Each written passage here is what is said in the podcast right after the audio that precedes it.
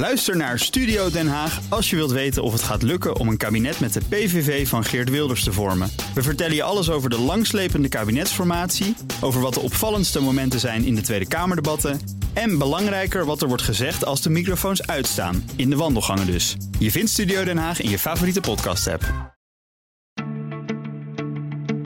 Hallo, beste luisteraar. Fijn dat je luistert.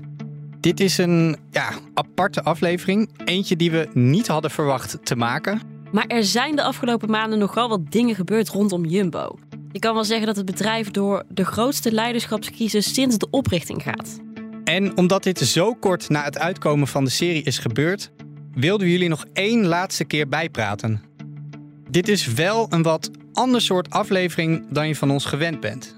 We zijn deze keer niet het hele land doorgereisd om mensen van het bedrijf te spreken. Niemand van Jumbo wilde hier namelijk open over praten. Maar we hebben wel mensen gevonden die ons een inkijkje kunnen geven in wat er is gebeurd. En die hebben we in de studio van WNR uitgenodigd.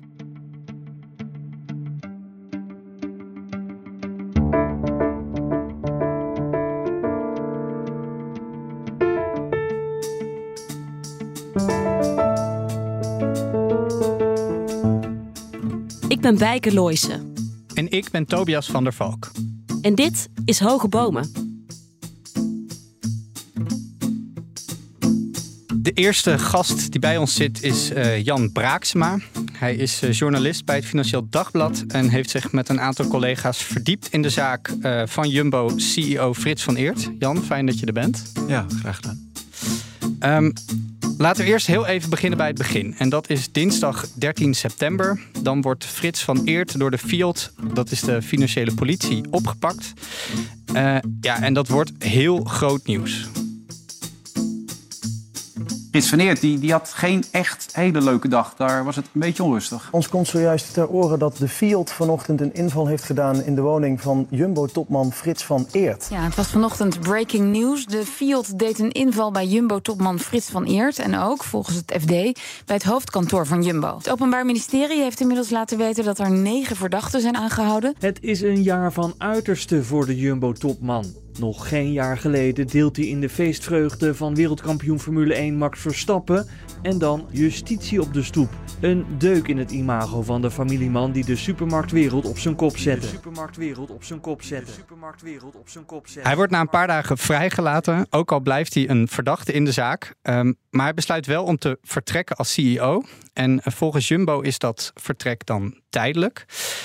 Jan, een topman van een van de grootste bedrijven van Nederland die op zo'n manier moet vertrekken. Weet jij heel toevallig wat de laatste keer is dat zoiets is gebeurd? Nee, ik kan het me niet herinneren. En, en ik heb hier met collega's ook over zitten filosoferen van hoe lang is dit geleden? Het voorbeeld wat zij hadden was Jan de Bouvry, die op een gegeven moment ook door de Fiat van zijn bed gelicht is jaren geleden. Uh, jij volgt Jumbo voor het FD. Eh, als we even teruggaan naar die dag dat dat nieuws binnenkomt. Ik kan me voorstellen, dan gaat er even een bak extra sterke koffie in en dan gaat alles aan de kant. Ja, zeker. We zagen een. een uh, ik, ik kreeg een berichtje van een collega en ik zat ondertussen te scrollen op Twitter. Want het was groot nieuws in de Brabantse media vooral. Die zaten er meteen bovenop, want dit gebeurde in Brabant. Hè. Van Eert woont in, woont in Brabant. Dus er stonden meteen uh, berichten dat er een, een Fiat-inval was. Toen ben ik als een dolle gaan bellen van ja, wie wil er iets over zeggen? Nou, de woordvoerder neemt in zo'n geval uh, niet meteen op. En uh, je probeert ook collega's te bellen van wat, ja, wat hebben jullie gehoord? Hebben jullie contacten, die mensen die het kunnen bevestigen? Wil het OM bijvoorbeeld al iets zeggen? Nou, dat, dat was dus even een paar uur inderdaad extra sterke koffie en, en adrenaline om, om door te werken. Tot op een gegeven moment het OM ook met een statement kwam dat er inderdaad invallen bezig waren in een, uh, in een aantal plekken, waaronder in Brabant. Ja, en er is nog heel veel onduidelijk in de zaak rondom Frits van Eert. Dat is goed om te benadrukken. Hij is natuurlijk verdachte, maar nog nergens schuldig aan bevonden. En het kan nog maanden of misschien wel jaren eh, duren voordat we weten of hij echt iets crimineels heeft gedaan. Dus daar gaan we nu ook maar niet over speculeren. Toch weten we ook best veel dingen wel, Jan. Kun jij samenvatten wat je nu weet? Waar gaat deze hele zaak over? We weten dat de Fiat eh, bij hem thuis is geweest, dat ze daar allerlei zaken in beslag hebben genomen, documenten en dergelijke, maar ook dat ze daar meerdere tonnen contant geld hebben gevonden. Dat is altijd een rode vlag voor witwassen uh, bij het Openbaar Ministerie. Verder weten we dat Van Eert een aantal dagen heeft vastgezeten, inmiddels weer op vrije voeten is, uh, maar nog wel verdachte blijft in de zaak. We weten ook dat een van zijn uh, medeverdachten is ondervraagd naar een sponsorcontract dat Jumbo met uh, zijn zoon had gesloten. Dus met de zoon van die medeverdachte. Uh, nou, dus we weten dat, er, dat de Fiat daar heel erg veel interesse in had, dat die hem daarover hebben doorgezaagd. Maar die medeverdachte zegt, met dit contract is helemaal niets fout. Het klopt allemaal. Het is allemaal volgens het boekje gegaan. De hoofdverdachte is Theo E., een autohandelaar uit Drenthe. De enige in de zaak die nog steeds vastzit.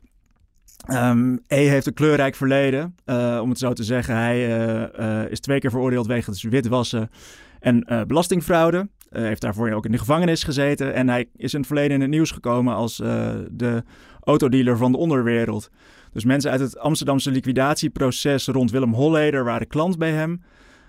Fred Ros, die later kroongetuige is geworden in dit proces, deden incasso's voor zijn bedrijf. Want ja, criminelen niet betalen, daar kun je niet zelf naartoe. Dan moet je iemand naartoe sturen die groot, sterk en imponerend is. Fred Ros in dit geval. Theo E. en Frits van Eert kennen elkaar uit uh, de motorsport. Van e, e was ooit een getalenteerde motorcrosser. Van Eert houdt erg van motorsport, van autosport. Dus die kennen elkaar uit dat circuit. Jumbo heeft ook een tijd een, uh, een, um, een team gesponsord, een motocross team gesponsord, waar, waar een E leiding gaf. Tot één keer opdoken in een strafrechtelijk onderzoek. Toen zijn alle alarmbellen afgegaan bij Jumbo. En hebben ze gezegd: met deze man willen we geen zaken meer doen. Sindsdien is de, die band doorgeknipt. Uh, maar uh, Van Eert is nog wel zaken blijven doen met uh, eh, TOE. Dus we weten dat Van Eert een Hummer bij hem heeft gekocht.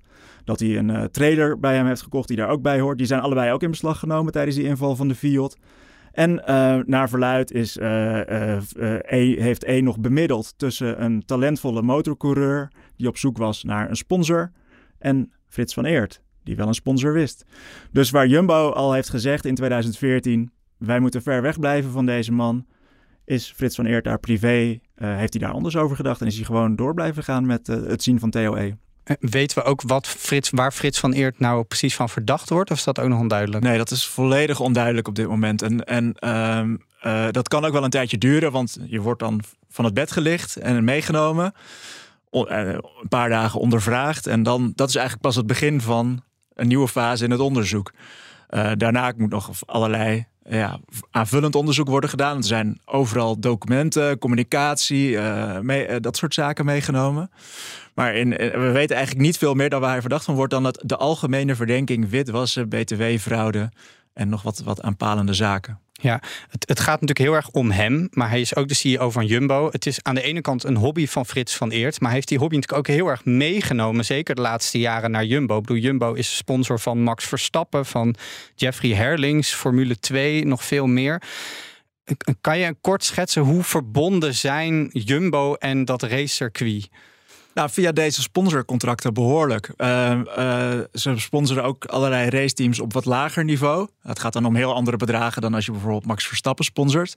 Dus dat zijn meer als een soort ja, wat, wat kleiner. En, en ja, zoals de Rabobank ook wel eens een, een hockeyteam uh, sponsort, zou je dat kunnen zien.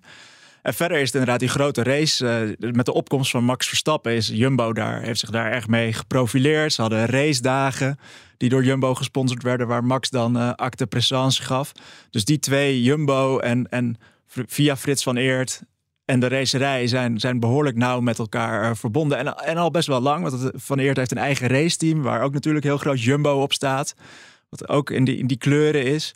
Dus Jumbo en racen, dat, dat hoort behoorlijk bij elkaar. Ondanks dat er als je het bekijkt op het hele sponsorbudget van het bedrijf, het zal het waarschijnlijk een klein deel zijn. Want ze hebben een schaatsteam uh, dat, ze, dat ze sponsoren, een, een wielerploeg uh, die ze sponsoren.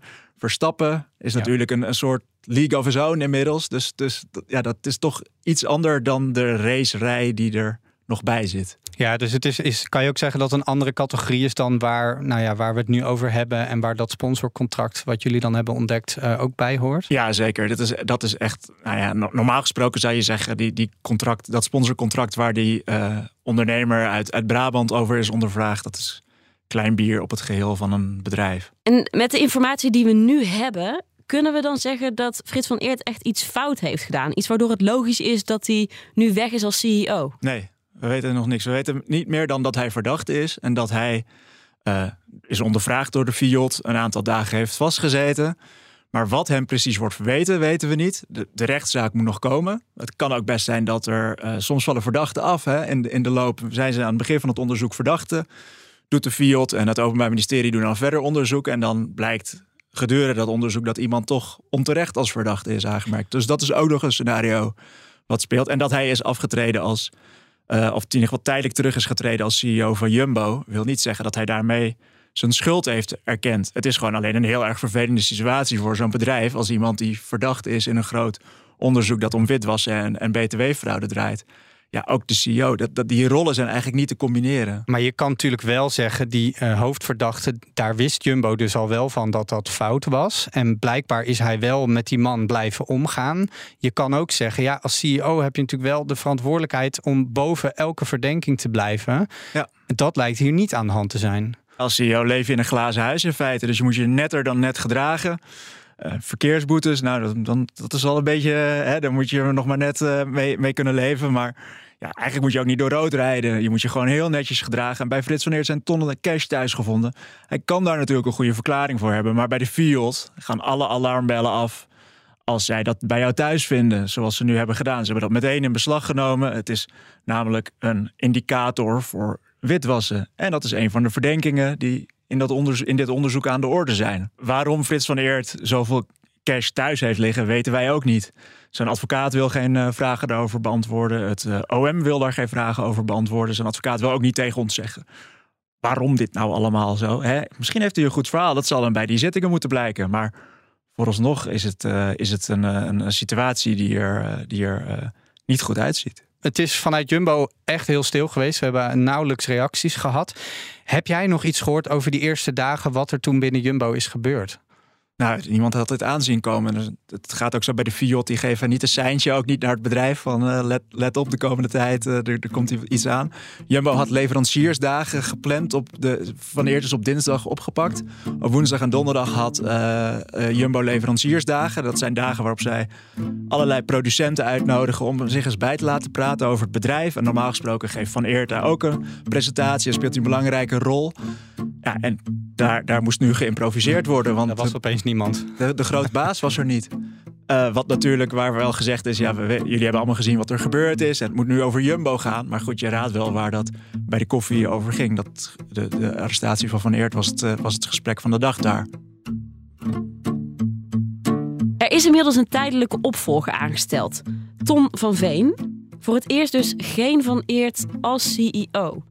Dit zei Van Veen in onze podcast eerder zelf over zijn rol binnen Jumbo. Een CFO zal nooit de nummer 1 zijn. Het moet ook nooit de nummer 1 zijn in een bedrijf, maar wel een sterke nummer 2. Tobias, we zijn natuurlijk samen bij Jumbo geweest om de grote baas te spreken. Maar jij hebt Tom van Veen uitgebreid ontmoet tijdens je interview met hem. Ja. Wat voor man is hij? Hoe verschilt hij van Frits? Ja, Frits van Eert is, is echt degene met de grote plannen en, en de ideeën binnen Jumbo. Uh, hij is iemand die zijn emotie volgt, heel veel energie heeft. En Tom van Veen is eigenlijk een beetje de, de berekenende andere kant. Dus uh, hij was bijvoorbeeld de man die nee zei toen uh, Frits en Karel de eerste grote overnameplannen hadden. omdat hij dat te risicovol vond. Um, hij is ook echt een onderhandelaar. Een interview krijgen was ook echt een onderhandeling. hij wilde precies weten wat we gingen vragen en hoe het zou lopen. Maar ik vond het ook een hele innemende man. Het is ook wel iemand die, uh, uh, nou ja, fair is en um, ja, nou dat. En, maar hoe logisch is het dat ze voor hem zijn gegaan, vind jij, in plaats van voor Colette of Monique, de zussen van Frits? Ja, Colette was ook wel een optie geweest. Uh, die heeft altijd een hoge functie in de directie gehad. Uh, ze is ook formule-directeur geweest. En nou, dat is echt wel een belangrijke rol binnen zo'n supermarkt. Um, maar ze heeft ook heel bewust een stap teruggezet. Uh, ze is naar de Raad van Commissarissen gegaan.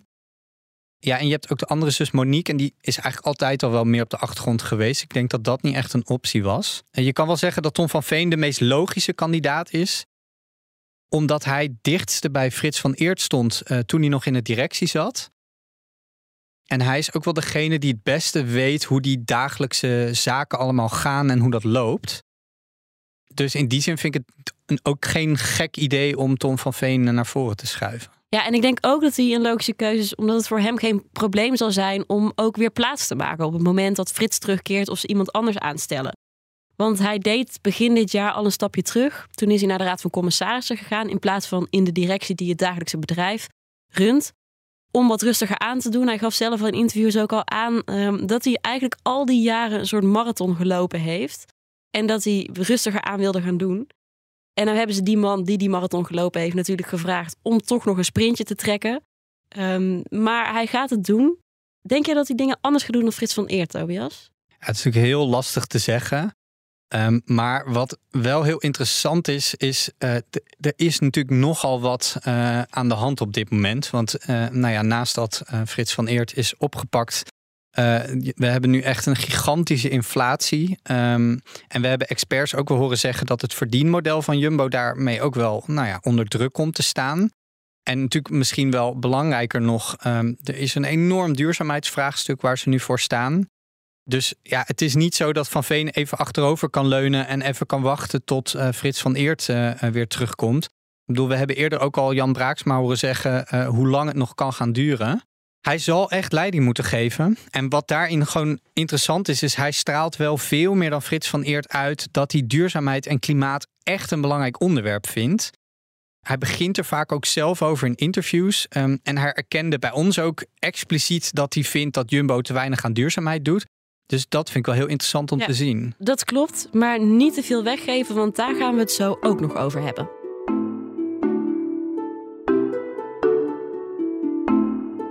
Eerst willen we nog proberen om beter zicht te krijgen op wat de impact van het vertrek van Van Eert op het bedrijf is geweest.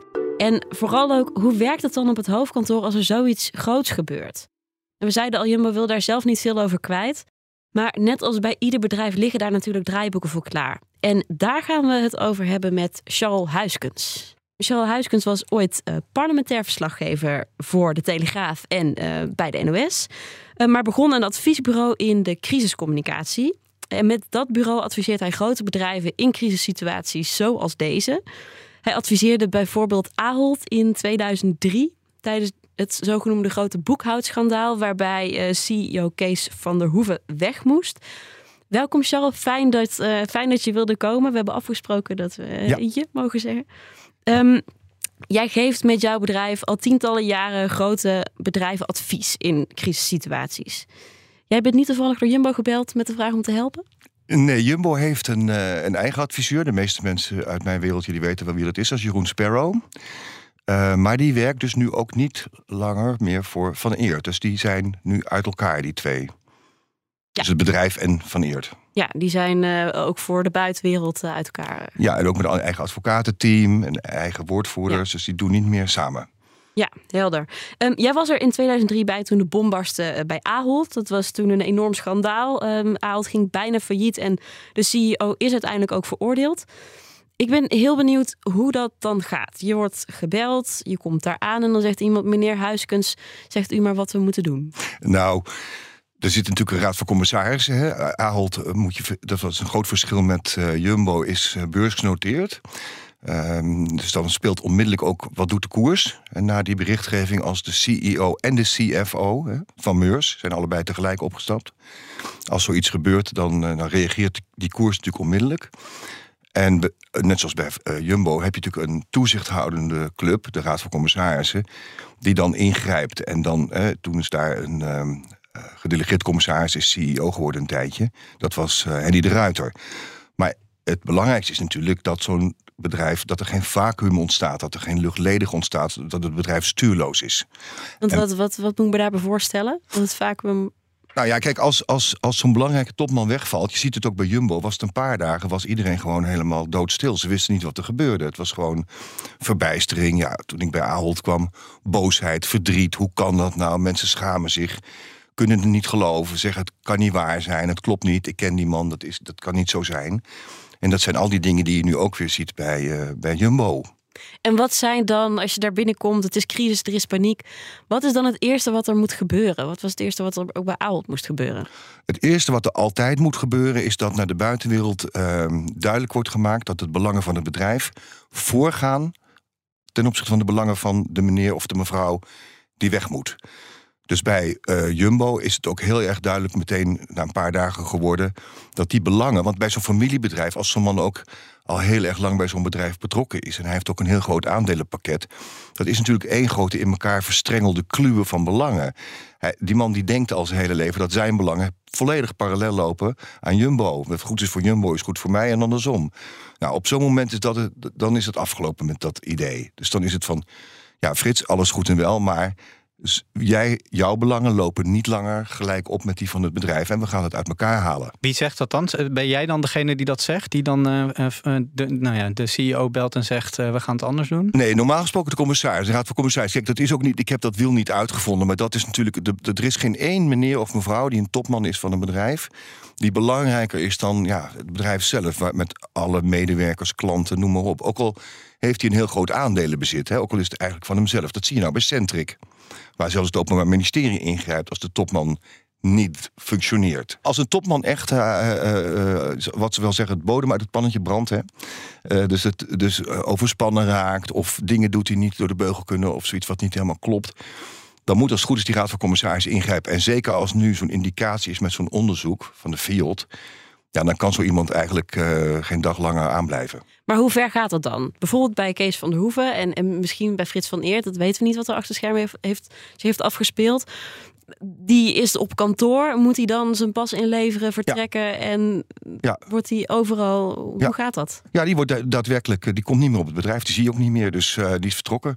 En zoals we dan heel netjes zeggen in een persbericht, die gaat zich nu helemaal concentreren op, uh, op de, zijn eigen verdediging en op uh, het naar boven halen van stukken en weet ik wat hij allemaal nodig heeft. Dat is niet langer een zaak voor het bedrijf. En hoe denk je dat het dan bij Jumbo gegaan is? Want ik kan me bij zo'n Kees van de Hoer voorstellen, die is daar in functie, die kun je eruit zetten. En, maar Frits van Eert is natuurlijk van Eert, de familie, zijn zus zit in de raad van commissarissen. Een van de, dat is zo vervlochten, kan dat dan ook zomaar? Ja, het kan, het kan niet alleen, het moet ook. Want uh, je kan niet. Uh, kijk, in dit geval zat hij natuurlijk uh, vast. Hè, dus het is nogal makkelijk. Hij is er dan daadwerkelijk niet. Nou, je zag ook dat het heeft een paar dagen geduurd. voordat het bedrijf min of meer weer op adem kwam. en met een verklaring kwam. Ze wisten ook niet wat er gebeurde.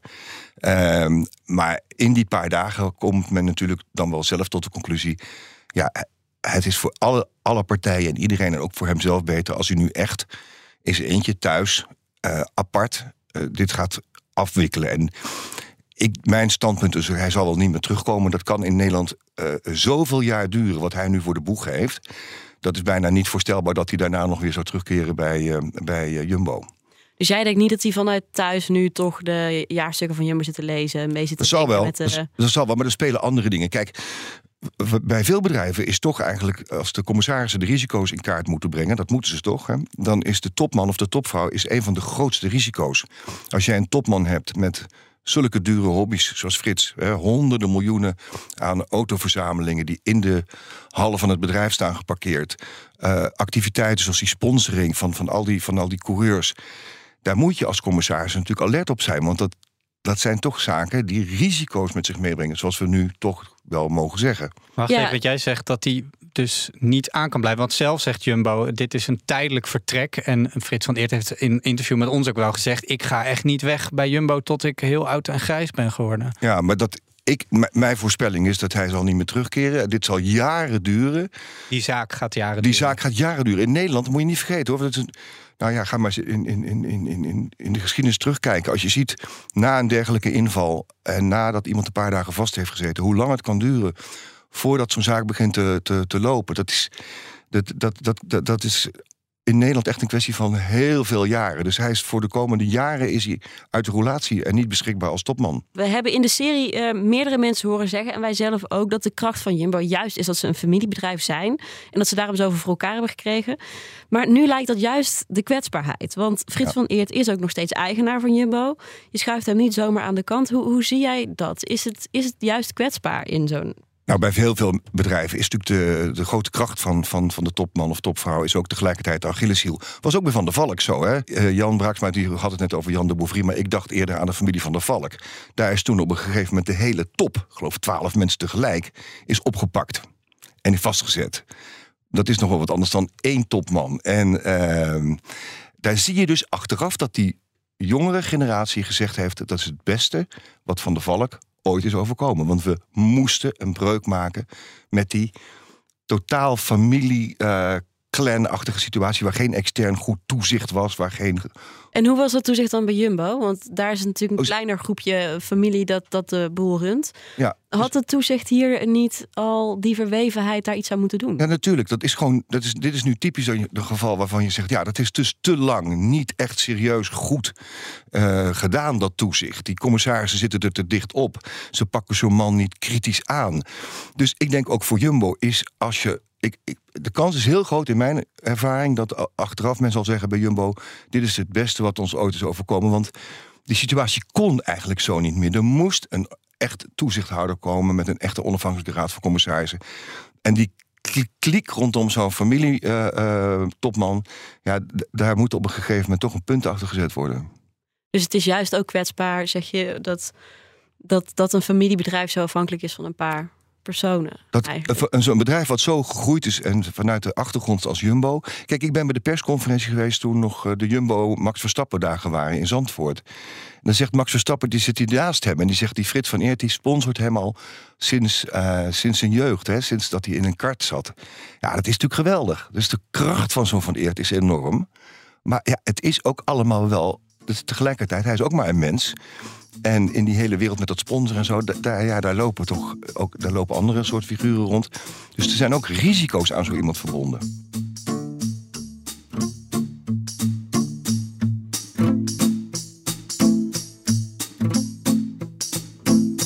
Dat was de zaak Frits van Eert.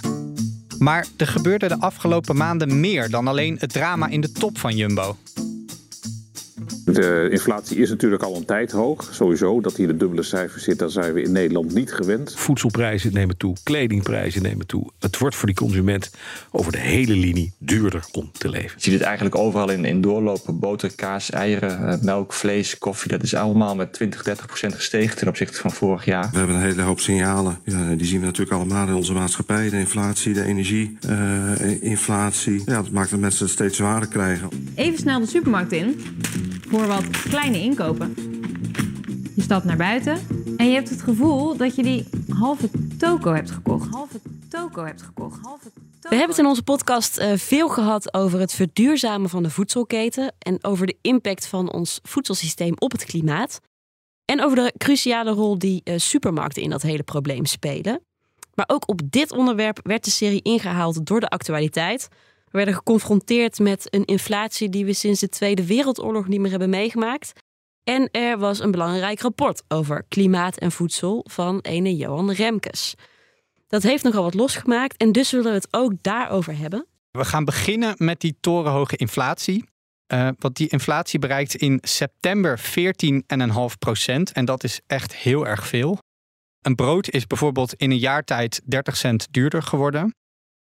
Dus de grote vraag die wij hebben is: wat betekent die inflatie nou voor de duurzaamheidsplannen van Jumbo? Ik bedoel, kunnen die nu de prullenbak in? Want we weten al uit onderzoek, als mensen op hun portemonnee moeten letten, dan zijn ze veel minder bereid om extra voor duurzame producten te betalen. We praten daarover met uh, Gustav Haan. Hij is hoofdonderzoeker bij Question Mark, een bureau dat al jarenlang onderzoek doet naar duurzaamheid bij supermarkten. Gustav, de uh, grootste inflatie sinds de Tweede Wereldoorlog. Wat betekent dat nou voor de duurzaamheidsambities bij supermarkten? Kunnen ze daar nu wel stappen in zetten?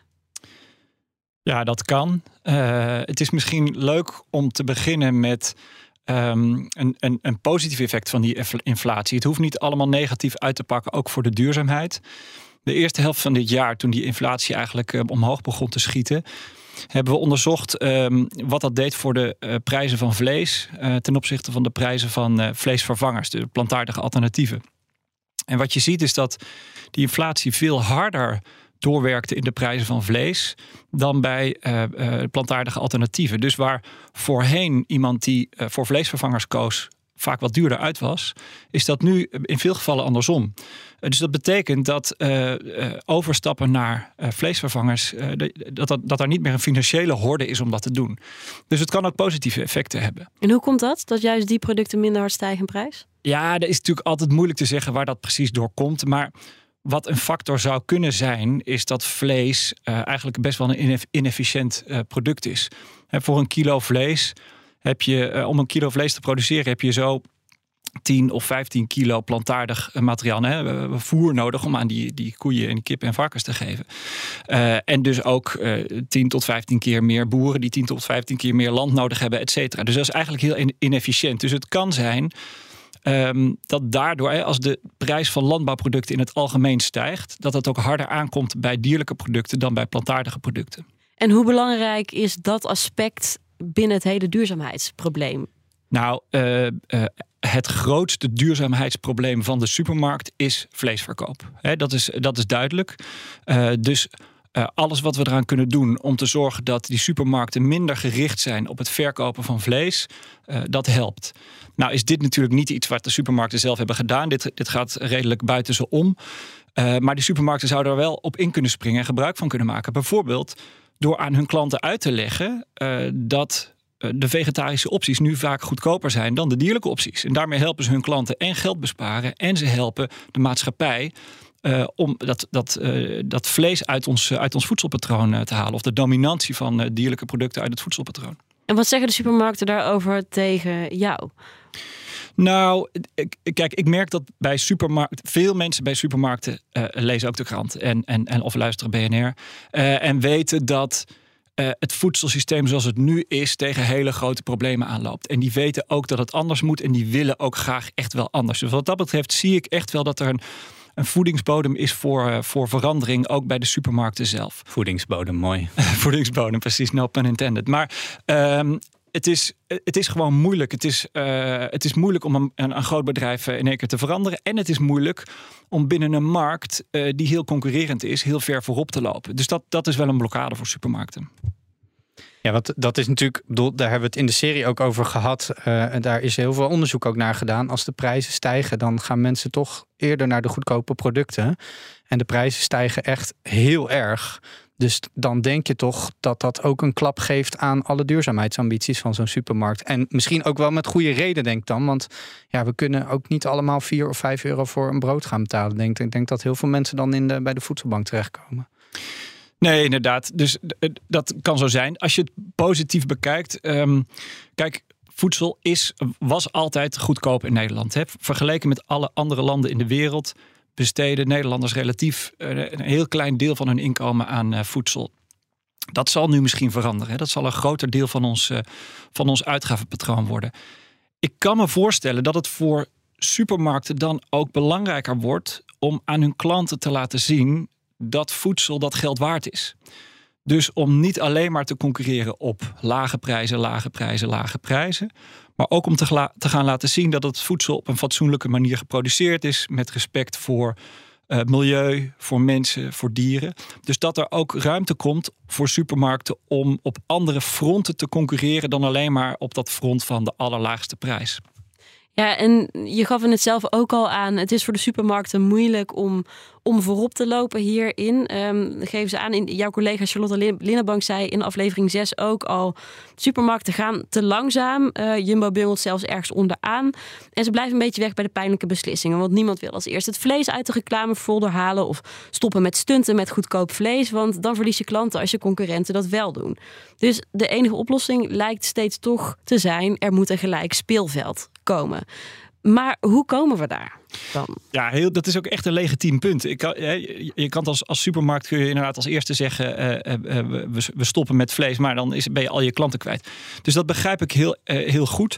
Um, dus er zijn eigenlijk twee mogelijkheden. Of de overheid helpt om een gelijk speelveld te creëren met wetgeving. Maar dat is heel ingewikkeld, duurt, duurt heel lang. Gelukkig is er ook de mogelijkheid voor supermarkten om onderling afspraken te maken. Dat was tot voor kort heel moeilijk, omdat je dan met de mededingingsregels te maken had. Je moest altijd uh, concurreren. Je mocht niet met elkaar praten over, uh, nou, over afspraken die de prijs beïnvloeden. Um, maar de ACM, de Autoriteit Consument en Markt, heeft daar recent ruimte voor gemaakt. Heel specifiek ook voor supermarkten om met elkaar afspraken te maken over ja, wat kunnen wij nou doen om te zorgen dat het voedselsysteem houdbaar blijft, dat dat duurzamer wordt en gezonder wordt.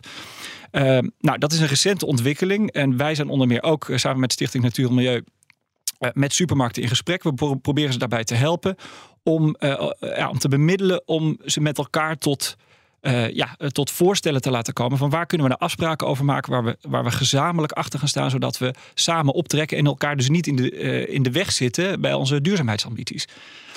Maar die, lukken, die, optie is er natuurlijk al, is er, is er al even. Uh, tot nu toe hebben de supermarkten niet initiatief genomen om dan met elkaar um, die afspraken te maken. En in dit hele duurzaamheidsprobleem gaat het natuurlijk allemaal over tempo. Dat het snel moet, dat het niet nog jaren op zich kan laten wachten, dat we die tijd niet hebben. Um, is het dan niet te hoopvol om, om te wachten tot we allemaal, tot die supermarkten vrijwillig de hele boel gaan veranderen? Nou, de hoop moet je nooit uh, verliezen. Het is wel, dit is wel de snelste route, want als het via wetgeving uh, moet, dan duurt het nog veel langer. Um, dus ik denk dat dit, dit, wel de snelste mogelijkheid is. En het is aan de supermarkten nu om te laten zien dat de afgelopen jaren, uh, waarin ze terecht het punt hebben gemaakt, wij kunnen niet zomaar voorop lopen. Hè, dat, ik denk dat dat heel legitiem was. Dat het ze al die tijd menens was. En dat nu de mogelijkheid er wel is om afspraken te maken, dat ze inderdaad ook aan de tafel gaan zitten en op zoek gaan naar maatregelen die echt effectief zijn. Maar kunnen we zonder Den Haag? Nou, in de tussentijd moeten we natuurlijk wel uh, nadenken over wat andere mogelijkheden zijn voor als dit niet mocht lukken. Uh, dus dat is inderdaad aan de overheid om alvast na te denken over hoe kunnen we het voedselsysteem de goede kant op sturen als het, uh, als het dat niet uit zichzelf doet. En dan komen we weer uit in Den Haag. Daar is wel wat interessants aan de hand. Jarenlang zijn de supermarkten onder regelgeving uitgekomen. Maar er is iets aan het veranderen. In Den Haag broeit het. Door de stikstofcrisis, door alle ophef rondom de boerenprotesten het afgelopen jaar. En dat kwam tot een soort climax met het rapport van Remkes. Voor de mensen die dat gemist hebben, kan jij even een korte samenvatting geven, Tobias? In Nederland wordt te veel stikstof uitgestoten. En dat tast de natuur en biodiversiteit aan. En de grootste uitstoter van stikstof is de landbouw. Nou, milieuorganisaties gingen in 2019 naar de rechter omdat ze vonden dat het kabinet te weinig deed aan die uitstoot. En de rechter die gaf hen gelijk. Gevolg was dat het land zo ongeveer op slot ging. Want elk nieuw project dat stikstof uitstoten kreeg geen vergunning meer. Dus bouwprojecten kwamen stil te liggen, we moesten met z'n allen 100 gaan rijden en nou ja, ga zo maar door. Dit nieuwe kabinet kwam vervolgens met strenge nieuwe regelgeving, vooral gericht op de landbouwsector. Maar daar was dan weer veel verzet tegen bij de boeren. Nou, toen was daar Johan Remkes, die werd gevraagd om te kijken of hij iedereen weer met elkaar aan tafel kon krijgen. En dat lukte hem best wel verrassend goed. Uh, boeren, milieuclubs, banken, eigenlijk schoof iedereen bij hem aan. Zelfs de meest activistische boerenorganisaties die eerst nog hadden gezegd dat ze dat echt niet wilden. En na die gesprekken kwam Remkes met een heel belangrijk advies over wat er volgens hem nou echt moet veranderen. Remkes kreeg dus bijna iedereen aan tafel. Iedereen behalve de supermarkten, want die besloten niet aan te schuiven. En dat terwijl de supermarkten tot nu toe eigenlijk heel erg buiten schot zijn gebleven in Den Haag. Daar gaan we het over hebben. Want veel mensen die wij spraken gaven aan dat de branche een hele sterke lobby heeft in Den Haag. Dat die daar met succes veel wetgeving die hen dwingt te verduurzamen al jaren weet te vertragen. Maar hoe werkt dat dan in de praktijk? We praten erover met Kees Veerman. Hij was van 2002 tot 2007 minister van Landbouw voor het CDA. En hij werd later directeur van Natuurmonumenten. En nog recenter was hij als adviseur in Brussel heel nauw betrokken bij het opstellen van Europese wetgeving voor de landbouwsector. Kees Veerman, welkom. Dank u wel. Meneer Veerman, dat rapport van Remkes, dat ging natuurlijk over veel meer dan alleen supermarkten. Maar die supermarkten spelen natuurlijk wel een hele cruciale rol in dat voedselsysteem. Wat vond u er eigenlijk van dat zij niet zijn aangeschoven bij Remkes? Ja, dat vond ik toch een zwakte bot. Want uh, het is duidelijk dat u zegt, hè, ze vormen een hele belangrijke schakel. Ze zijn de rechtstreekse verbinding tussen de consument en de rest van de voedselketen. Um, de, hele, de verwerkende industrie en uiteindelijk de boer en de, wat daar weer voor ligt, hè, de toelevering en, en alle dienstverlening die daaromheen is. En ze zijn dus een hele cruciale schakel daarin.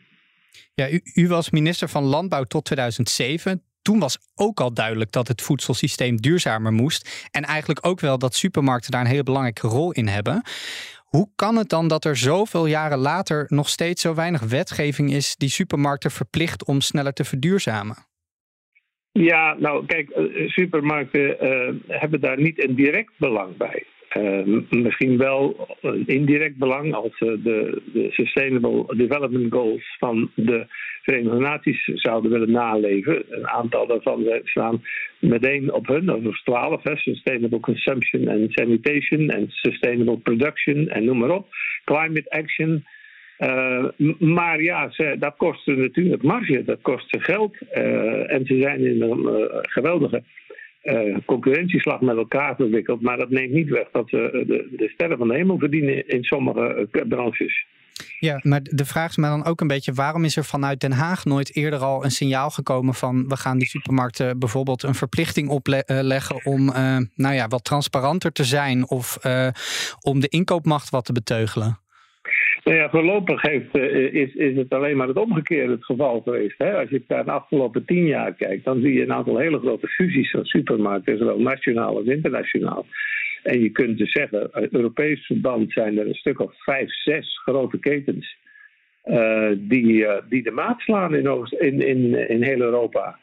Um, noem ze maar op, hè. Lidl, Aldi, maar ook uh, Ahold en, en in Nederland natuurlijk in belangrijke mate uh, de, de, Jumbo en noem ze maar op. Dat zijn de grote ketens. En dat zijn natuurlijk machtige partijen die, eh, die eh, de, ja, de schakels voor hun, dus de voedingsmiddelenindustrie, onder druk kunnen zetten. Er zijn legendarische strijd over, rondom Heineken, die niet meer wilde leveren. Uh, en uiteindelijk toch op de knieën ging, omdat uh, de, Albert Heijn, meen ik, was het, die haalde het uit de schappen. Ja, want Albert Heijn ja. die wilde dat Heineken goedkoper in de supermarkt lag. En daar was Heineken het niet mee eens. En toen zeiden Precies. ze, nou dan kopen we maar geen Heineken meer. Ja. dat schaadt het merk Heineken als het te goedkoop wordt. Hè, dat, en bovendien de marge natuurlijk die Heineken maakt. En dan zie je dus die strijd. En dat is in toenemende mate wordt die gewonnen door de supermarkten, omdat die sterk geconcentreerd zijn en een hele nauwe band hebben opgebouwd met hun klandizie, met, hun, met, hun, met de consumenten. Ja, en dat ze dus ook uh, als grote machtige partijen invloed hebben in Den Haag. Met Zeker. Zeker, uh, want uh, dat, ja, als je wil, dat, dat, neem bijvoorbeeld het, die hele lange discussie over plastic flesjes, of daar nu een, een statiegeld op moest komen. Dat hebben ze heel lang tegengehouden, omdat hun natuurlijk veel handling kost. Hè? Dat, dat, moet allemaal geregeld worden, kost dus ook geld. terwijl het evident een belangrijke bijdrage is aan duurzame, duurzame samenleving. En, maar ja, wie moet dat dan betalen? Hè? Ja, ja, en want u heeft als minister de lobby van, van die supermarktbranche van dichtbij meegemaakt destijds. Hoe werkt die lobby nou eigenlijk? Nou, in essentie is het uh, simpel. Uh, proberen uh, herhaaldelijk mensen die, die, de, die invloed hebben, mensen die wetgeving maken of over wetgeving moeten stemmen, ehm, te beïnvloeden met argumenten waarom het wel of niet een goed voorstel is, of waarom er beter een verandering in die wetgeving kan worden aangebracht die praktischer is of beter, meer in hun belang, al zouden ze dat laatste natuurlijk niet zeggen. Uh, en, en dat is voortdurend praten. Hè? Uh, op de koffie komen bij ministers, bij Kamerleden, bij hoge ambtenaren. En soms is een lobby ook heel nuttig, want de ambtenaren kunnen niet alles weten. Uh, en de, de, de, mensen met de boots on the ground, dus zoals zij, die weten soms hoe iets beter hoe iets werkt dan, dan, dan ambtenaren op een departement of Kamerleden. Dus het kan ook wel nuttig zijn, maar de bedoeling is natuurlijk altijd om het uh, zodanig te, te beïnvloeden dat het naar hun wil en hun uh, idealen en hun belangen gaat. Want heeft u een concreet voorbeeld bijvoorbeeld uit uw eigen ervaring? Want hoe werkt zoiets dan? Komt er dan iemand van een branchevereniging die bij u op het kantoor klopt en zegt: uh, meneer Veerman, uh, ik heb hier nog een goed idee? Of hoe, hoe, hoe gaat zoiets? Nou, me meestal is het zo dat men een onderhoud aanvraagt. Als u minister bent, dan krijg je regelmatig natuurlijk verzoeken tot een gesprek. Uh, dat kan soms zijn van een groep van bedrijven, dat kan zijn van een vertegenwoordigende organisatie. En die willen dan uh, zeggen, hun standpunt meteen tot op het hoogste niveau, dat politieke niveau, bij de minister duidelijk maken. En dat is op zichzelf een goede recht. Maar daar moet een gezond evenwicht in zijn. En, en neem bijvoorbeeld boeren, die kunnen dat niet. Hè? Die, die hebben wel vertegenwoordigende organisaties, maar ja, die moeten veel belangen tegen elkaar afwegen. Maar ik was minister en uh, een van de eerste mensen die mij bezocht destijds was uh, de, de CEO van, uh, van Unilever. En die kwam natuurlijk keurig niks kennis maken, dat is heel plezierig. Maar die kan, by the way, ook even zeggen dat, die, dat, dat wij, de, ik dus, toch wel een verstandig standpunt moest innemen ten aanzien van de suikermarktordening waarvan Europa bezig was die te veranderen. Omdat zij natuurlijk daar hele grote belangen hebben.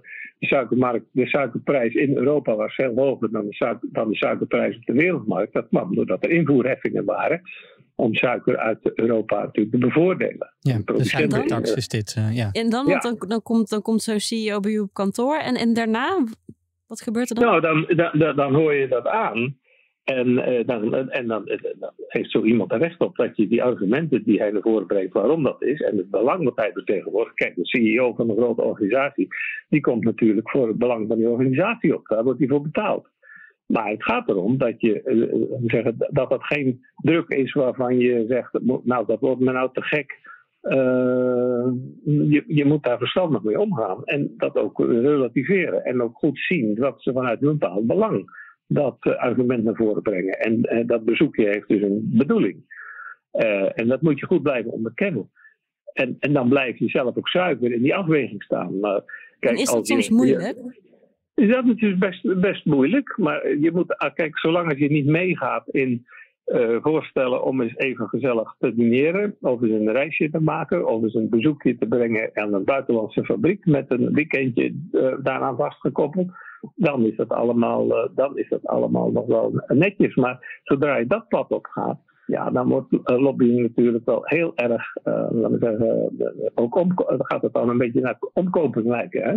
Dus daar moet je dan als bewindspersoon of als Kamerlid of wie dan ook ver van blijven. Maar dat gebeurt dus wel soms. Ja, dat, dat, met enige regelmaat kun je dat in de krant lezen, dat er iemand gezwicht is voor zo'n voorstel. Uh, en en, en ik, ik heb ook wel uitnodigingen gekregen om uh, met een aantal uh, oud-Kamerleden, oud-bewindslieden gezamenlijk een weekend door te brengen in Zuid-Frankrijk. En, en, ja, dat is dan soms heel verleidelijk en soms ook onschuldig om de wereldproblemen te bespreken met elkaar. Maar als dat, van, van een bepaald bedrijf of groep bedrijven uitgaat, dan zit daar natuurlijk altijd toch iets achter. En daar, daar moet je naar mijn vaste overtuiging ver van blijven, want je moet je laten we zeggen, je, je blazoen onbevlekt houden. Je moet ook neutraal in die afweging kunnen staan. Maar En niet zeggen, want het was zo'n aardige reis, het zijn wel aardige mensen, dus nog eens even goed afwegen of dat er toch niet wat in zit, enzovoort. Kunt u nou zeggen dat, dat het feit dat er dus zo weinig wetgeving is voor supermarkten om nou ja, bijvoorbeeld duurzamer te werken, heeft dat dan dus ook met dit soort lobby's te maken? Zijn die echt zo invloedrijk geweest? Nou, die zijn invloedrijk, want anders, kijk, ik zal u voor, een ander voorbeeld geven. Ik heb dat Europese rapport destijds uh, met experts die, uh, die daar meegewerkt hebben, een voorstel gedaan om wetgeving vanuit Europa verplicht te stellen binnen elke lidstaat om oneerlijke handelspraktijken aan banden te leggen. Dus zeg maar bijvoorbeeld de betalingstermijn van 30 dagen in één keer op 60 dagen te verhogen. Ja. En dan kun je dan als leverancier, je kunt zeggen dat doe ik niet, nou dan kun je dus niet meer leveren. Dat is een eenzijdige actie, maar dat is unfair, want dat is uh, machtsmisbruik zou je kunnen zeggen. En ik, wij proberen daar dus wetgeving voor, voor te stellen. Toen ben ik ontzettend belobbyd door de Europese organisatie van supermarkten. En die zeiden, ja, maar we kunnen dat toch veel beter uh, veel beter vrijwillig doen. Uh, en, en, en, niet via wetgeving, want dat is altijd dwingend. En ja. laten, we dat nou, laten we dat nou vrijwillig doen. En toen heb ik simpel gezegd, dat had u dus al twintig jaar geleden kunnen doen, maar toen hebt u het niet gedaan. Ja. Dus, dus, dus waarom zou, zou ik nu ineens moeten zeggen, dat lijkt me een goed idee? Terwijl iedereen weet dat gewoon ongelijke verhoudingen zijn tussen de grote inkooporganisaties als supermarkten en, en de soms kleine uh, toeleveranciers. We hoorden in aflevering 6 van onze podcast Jeroen Smit, uh, uh, oud-hoogleraar, zeggen dat de tijden aan het veranderen zijn voor supermarkten. Vooral ook omdat er Nederlandse en Europese wetgeving aankomt die de boel echt gaat veranderen. Nou ja, u bent zelf nog betrokken geweest bij wetgeving in Europa. Bent u dat met Jeroen Smit eens? Zeker ben ik dat met hem eens. Want het voorbeeld is van die oneerlijke handelspraktijken. Dat is al in Nederlandse wetgeving omgezet. Maar soms wordt er nog weinig gebruik van gemaakt. Waarom? Stel voor, je hebt een conflict met je afnemer. Uh, en dan kun je wel in je gelijk staan. Hè? Je kunt wel gelijk hebben, maar dwing het maar eens af.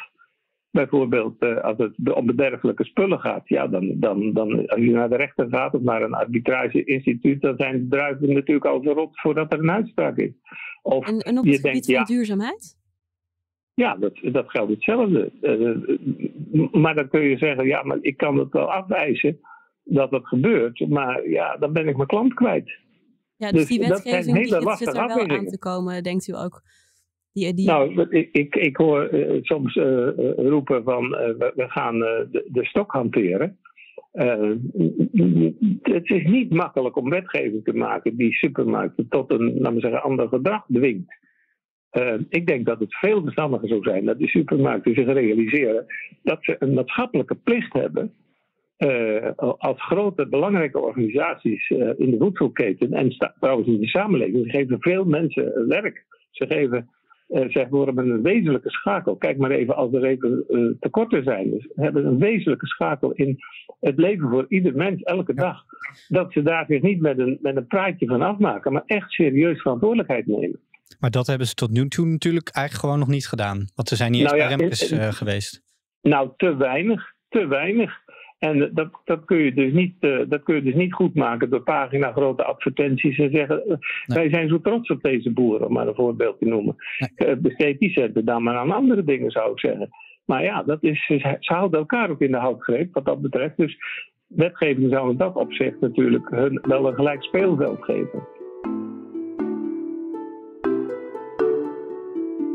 We willen deze serie graag optimistisch afsluiten, want er is namelijk ook reden om optimistisch te zijn. Althans, dat vindt Michael Wilde.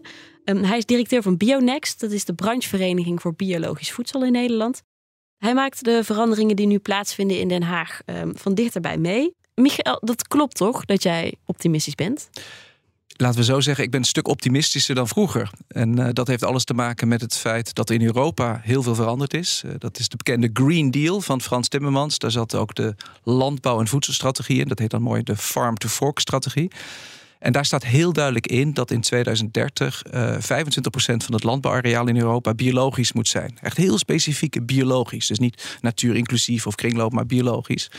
Ja, en dat is een enorme uh, gamechanger, kan je wel zeggen. Ook in Den Haag, omdat nu ook in Nederland we met iets moeten met dat woord biologisch. Dus ik ben in die zin op grote lijnen zeer positief. Ja. Nou, Mag daar nog één kort, want het is misschien wel goed om te benoemen. Biologisch is niet hetzelfde als duurzaam, toch? Ik bedoel, biologisch is wel goed voor milieu en natuur, maar het is niet hetzelfde. Begrijp nou ja, dan is de, wat de vraag is, wat is jouw definitie van duurzaam? Maar als er één vorm van landbouw ontzettend duurzaam is, dan is dat biologisch wel. Eh, we, we zijn, onze principes zijn zorg, ecologie, gezondheid en eerlijkheid. En dat zijn allemaal principes die uitgaan van hoe gaan we die planeet nou leefbaar houden en, eh, en mooier maken voor onze kinderen en kleinkinderen. Dus er is een ongelooflijke duurzame vorm van landbouw. Maar het woord duurzaam eh, wordt te pas en te onpas gebruikt door allemaal verschillende partijen, waardoor je snel toch een beetje het gevoel van greenwashing krijgt. En biologisch is wel heel specifiek. Ja, het is heel specifiek inderdaad. Um, um, dus er zijn positieve verschuivingen gaande, daarover zo meer. Um, maar vanuit de supermarktbranche zijn die signalen toch niet altijd heel hoopvol geweest um, in het verleden. Um, onder andere omdat ze niet aan tafel gingen zitten bij Remkes. Wat vond jij daarvan? Nou ja, ik vond het een gigantisch gemiste kans. Met het hele stikstofverhaal vind ik dat het een soort beetje lijkt dat we kijken naar een hele slechte tenniswedstrijd. Tussen de boeren aan de ene kant en de politiek aan de andere kant. En wij zitten als maatschappelijke organisaties, als uh, supermarkten een beetje op de tribune te kijken wat er allemaal gebeurt. Terwijl het natuurlijk ons allemaal aangaat. En we moeten veel ons meer bezig gaan houden met dat spel. En als er een kans was geweest om te laten zien dat je verantwoordelijkheid neemt, dan was het natuurlijk geweest met de gesprekken met Remkes. Het is natuurlijk wel zo dat de biologische supermarkten wel aan tafel zaten, want ik zat aan tafel namens hun. Ja. Dus, uh, maar de grote jongens, de, de, de Jumbo's, de Albert Heijns, de branchevereniging van die niet. Nee. Um, hoe is daar naar jouw weten in, in, in Den Haag en bij andere partijen op gereageerd? Nou ja, we zagen de reactie van de minister van der Wal, uh, not amused in, in mooi Engels. Um, en, maar ik heb ook wel begrepen, later ook weer gesprekken met verschillende supermarktorganisaties, dat dat toch wel een uh, gemiste kans was en dat ze dat ook zelf ook zo zien. Ja, intern dus, uh, ook. Ja, absoluut, ja. Waarom, waarom niet bij Remkes aanschuiven? Ze waren geloof ik de enige. Eh, nou, er waren wel meerdere ketenpartijen die er niet, niet, niet bij waren toen. Um, en ik denk, ja, even kijken, de officiële reden was uh, dat ze niet tussen de gesprekken wilden komen tussen de boeren en de politiek. Maar ik vermoed dat het ook heel veel te maken had met angst. Hè? Dus ze willen niet dat die depots worden geblokkeerd en dat daar allemaal problemen ontstaan. En, ehm, dus ik denk dat dat ook vooral speelde. Ehm, maar goed, weet je, we zitten in een, in een gigantische crisis. met niet alleen maar een stikstofcrisis, maar ook een klimaatcrisis, een bodemcrisis, een watercrisis, een natuurcrisis gezondheidscrisis, nou koopkrachtcrisis nu. Dus ja, het is, het is echt, we nemen afscheid van het oude systeem. We gaan naar dat nieuwe systeem. Ja, dan moet je ook als supermarkt, als grote partij, belangrijke partij, moet je ook een verantwoordelijkheid nemen en, en laten zien hoe ziet dat nieuwe systeem eruit en wat voor rol ga ik daarin spelen. Dus, uh... Ondanks dat ze niet aanschoven, heeft Remkes het wel uh, over de rol van de supermarkten in zijn rapport. Hij zegt letterlijk dat hij vindt dat supermarkten geen verantwoordelijkheid nemen als het gaat om uh, duurzame en biologische voeding. Um, daar weet jij alles van af. Kun jij schetsen hoe Nederland het doet wat dat betreft ten opzichte van de landen om ons heen? Als het gaat om biologisch eten dan. Nou, qua, qua biologisch eten zijn wij eigenlijk het, het slechtste jongetje van de klas. Dus daar kunnen we heel kort over zijn. Dat gaat niet heel goed in Nederland vergeleken met andere landen.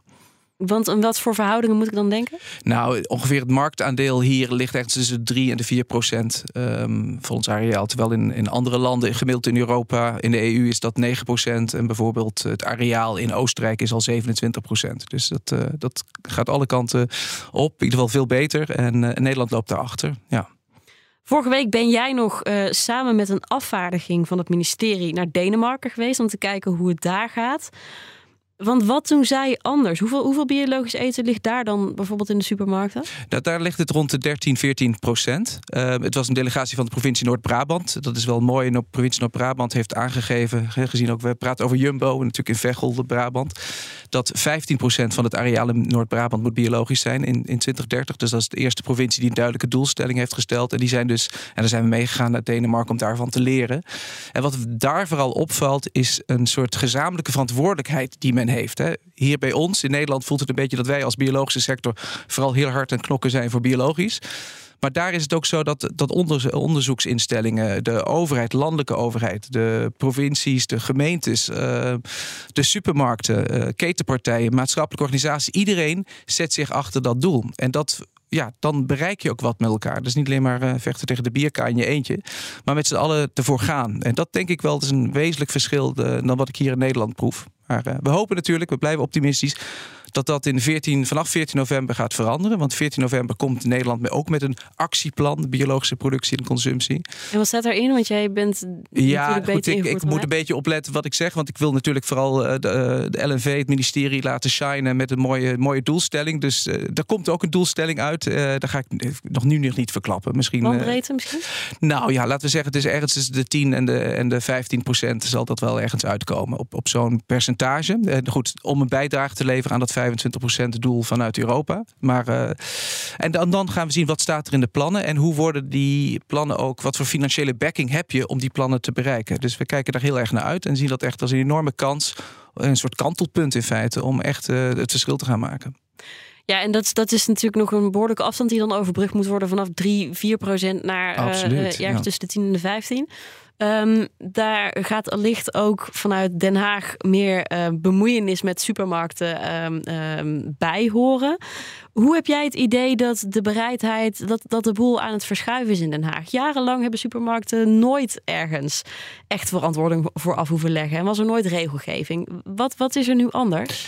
Nou, je ziet nu um, een beetje het ongeduld is een beetje op in Den Haag. Um, we zien dat die verhoudingen ook tussen het, het, ministerie en de supermarktketen, die zitten echt wel heel erg op scherp.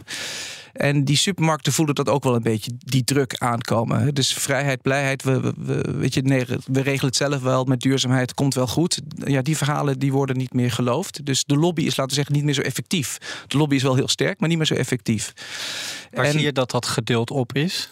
Nou, dat zie je bijvoorbeeld, uh, onlangs was er ook een, een Zembla-uitzending... Uh, waar Carola Schouten ook heel duidelijk aangaf... Uh, toen was de voormalige minister van Landbouw... dat ze het, nou ja, nu, nu, nu, echt wel tijd was dat supermarkten echt verantwoordelijkheid nemen... en niet meer mooie praatjes. toen minister Staghouwer nog minister was, heeft, gaf hij dat ook heel duidelijk aan. En ook in, in, verschillende Kamerbrieven. Het staat ook in het regeerakkoord... dat supermarkten steeds meer, nou echt, ja, transparantie moeten laten zien. En ik denk dat die druk heel erg gaat helpen. Ik, ik vergelijk het vaak met een puber die de vaatwasser moet uitruimen. Het, is natuurlijk veel prettiger als die puber dat uit zichzelf doet. Dan krijgt hij applaus, dan gaat iedereen zeggen, goh, goed gedaan. Maar als je die vaatwasser moet uitruimen omdat het moet van je ouders, dan is het een beetje wah, wah, wah, wah. En, en dat is echt wel uh, een punt waar ik zie dat, dat, dat die supermarkten. Er zitten ook absoluut intrinsiek gemotiveerde mensen, laat dat duidelijk zijn. Het is niet alleen maar eh, door druk. Maar die krijgen nu veel meer de kans om, om echt dat duurzaamheidsverhaal er doorheen te krijgen. Want het blijft knap lastig met aandeelhouders die vooral kijken naar korte termijn winst. En wij als samenleving die echt wel verlangen naar een, naar een, een duurzaam, echt een duurzaam uh, landbouw- en voedselsysteem.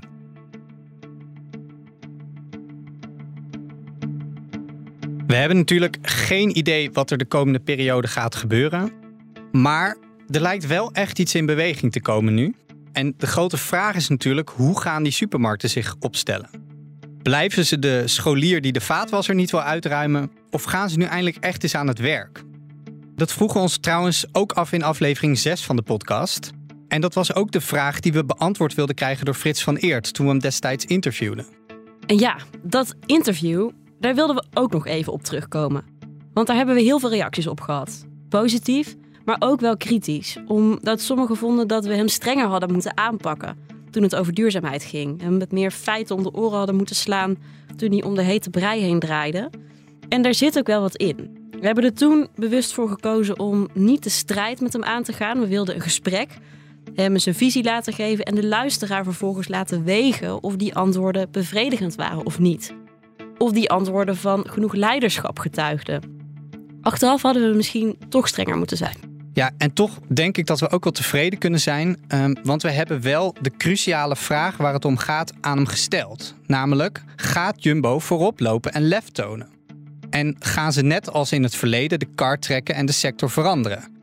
Of ja, gaan ze een beetje meehobbelen met de middenmoot? Ja, en die vraag hebben we dus gesteld en hebben we ook antwoord op gekregen. Je hebt in het verleden met de familie laten zien dat je meer lef hebt dan anderen in de sector, dingen voor elkaar kan krijgen die anderen niet voor mogelijk hielden. Um, als we dan weer naar de toekomst kijken en het over dat duurzaamheidsvraagstuk hebben, hebben jullie dan opnieuw voorop gelopen en heb jij als CEO daar de sector in veranderd of op de concurrentie gewacht? Nou, ik hoop het eerste.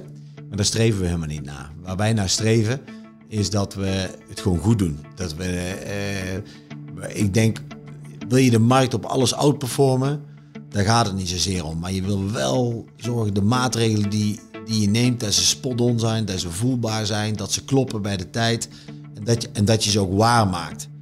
Uh, dat zal niet ieder bedrijf zomaar lukken. Ook ons niet is geen vanzelfsprekendheid dat we allemaal naar het nieuwe denken kunnen.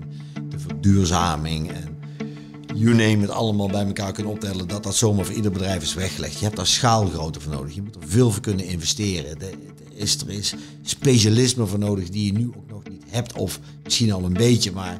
Uh, um, wil ik die wedstrijd winnen? Ja, graag. Maar uh, niet per se, maar ik wil hem zeker niet verliezen. Ik denk dat je het zo moet zien. Het antwoord was eigenlijk duidelijk. We horen hier dat Frits niet van plan is om de kar te trekken op het gebied van duurzaamheid. Iets waar we persoonlijk wel op gehoopt hadden. Wat dat betreft is het interessant dat Jumbo nu in ieder geval tijdelijk een nieuwe baas heeft: Tom van Veen. Hij zal op een heleboel vlakken belangrijke keuzes moeten gaan maken. Wat opvalt is, hij lijkt persoonlijk veel meer te voelen bij duurzaamheid. En politiek is er echt iets aan het schuiven. Dus ja, de toekomst van Jumbo ligt weer helemaal open.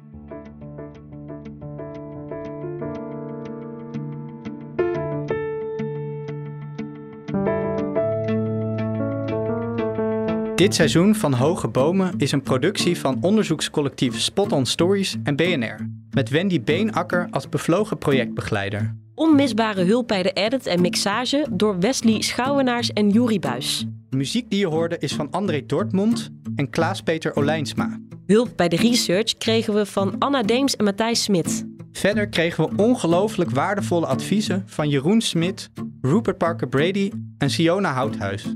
Deze podcast kwam tot stand met hulp van financiering door het Stimuleringsfonds voor de Journalistiek en het Fonds Bijzondere Journalistieke Projecten. Wil je nou dat meer mensen deze podcast horen? Geef hem dan een recensie in Spotify. Wij zouden je daar in ieder geval heel dankbaar voor zijn.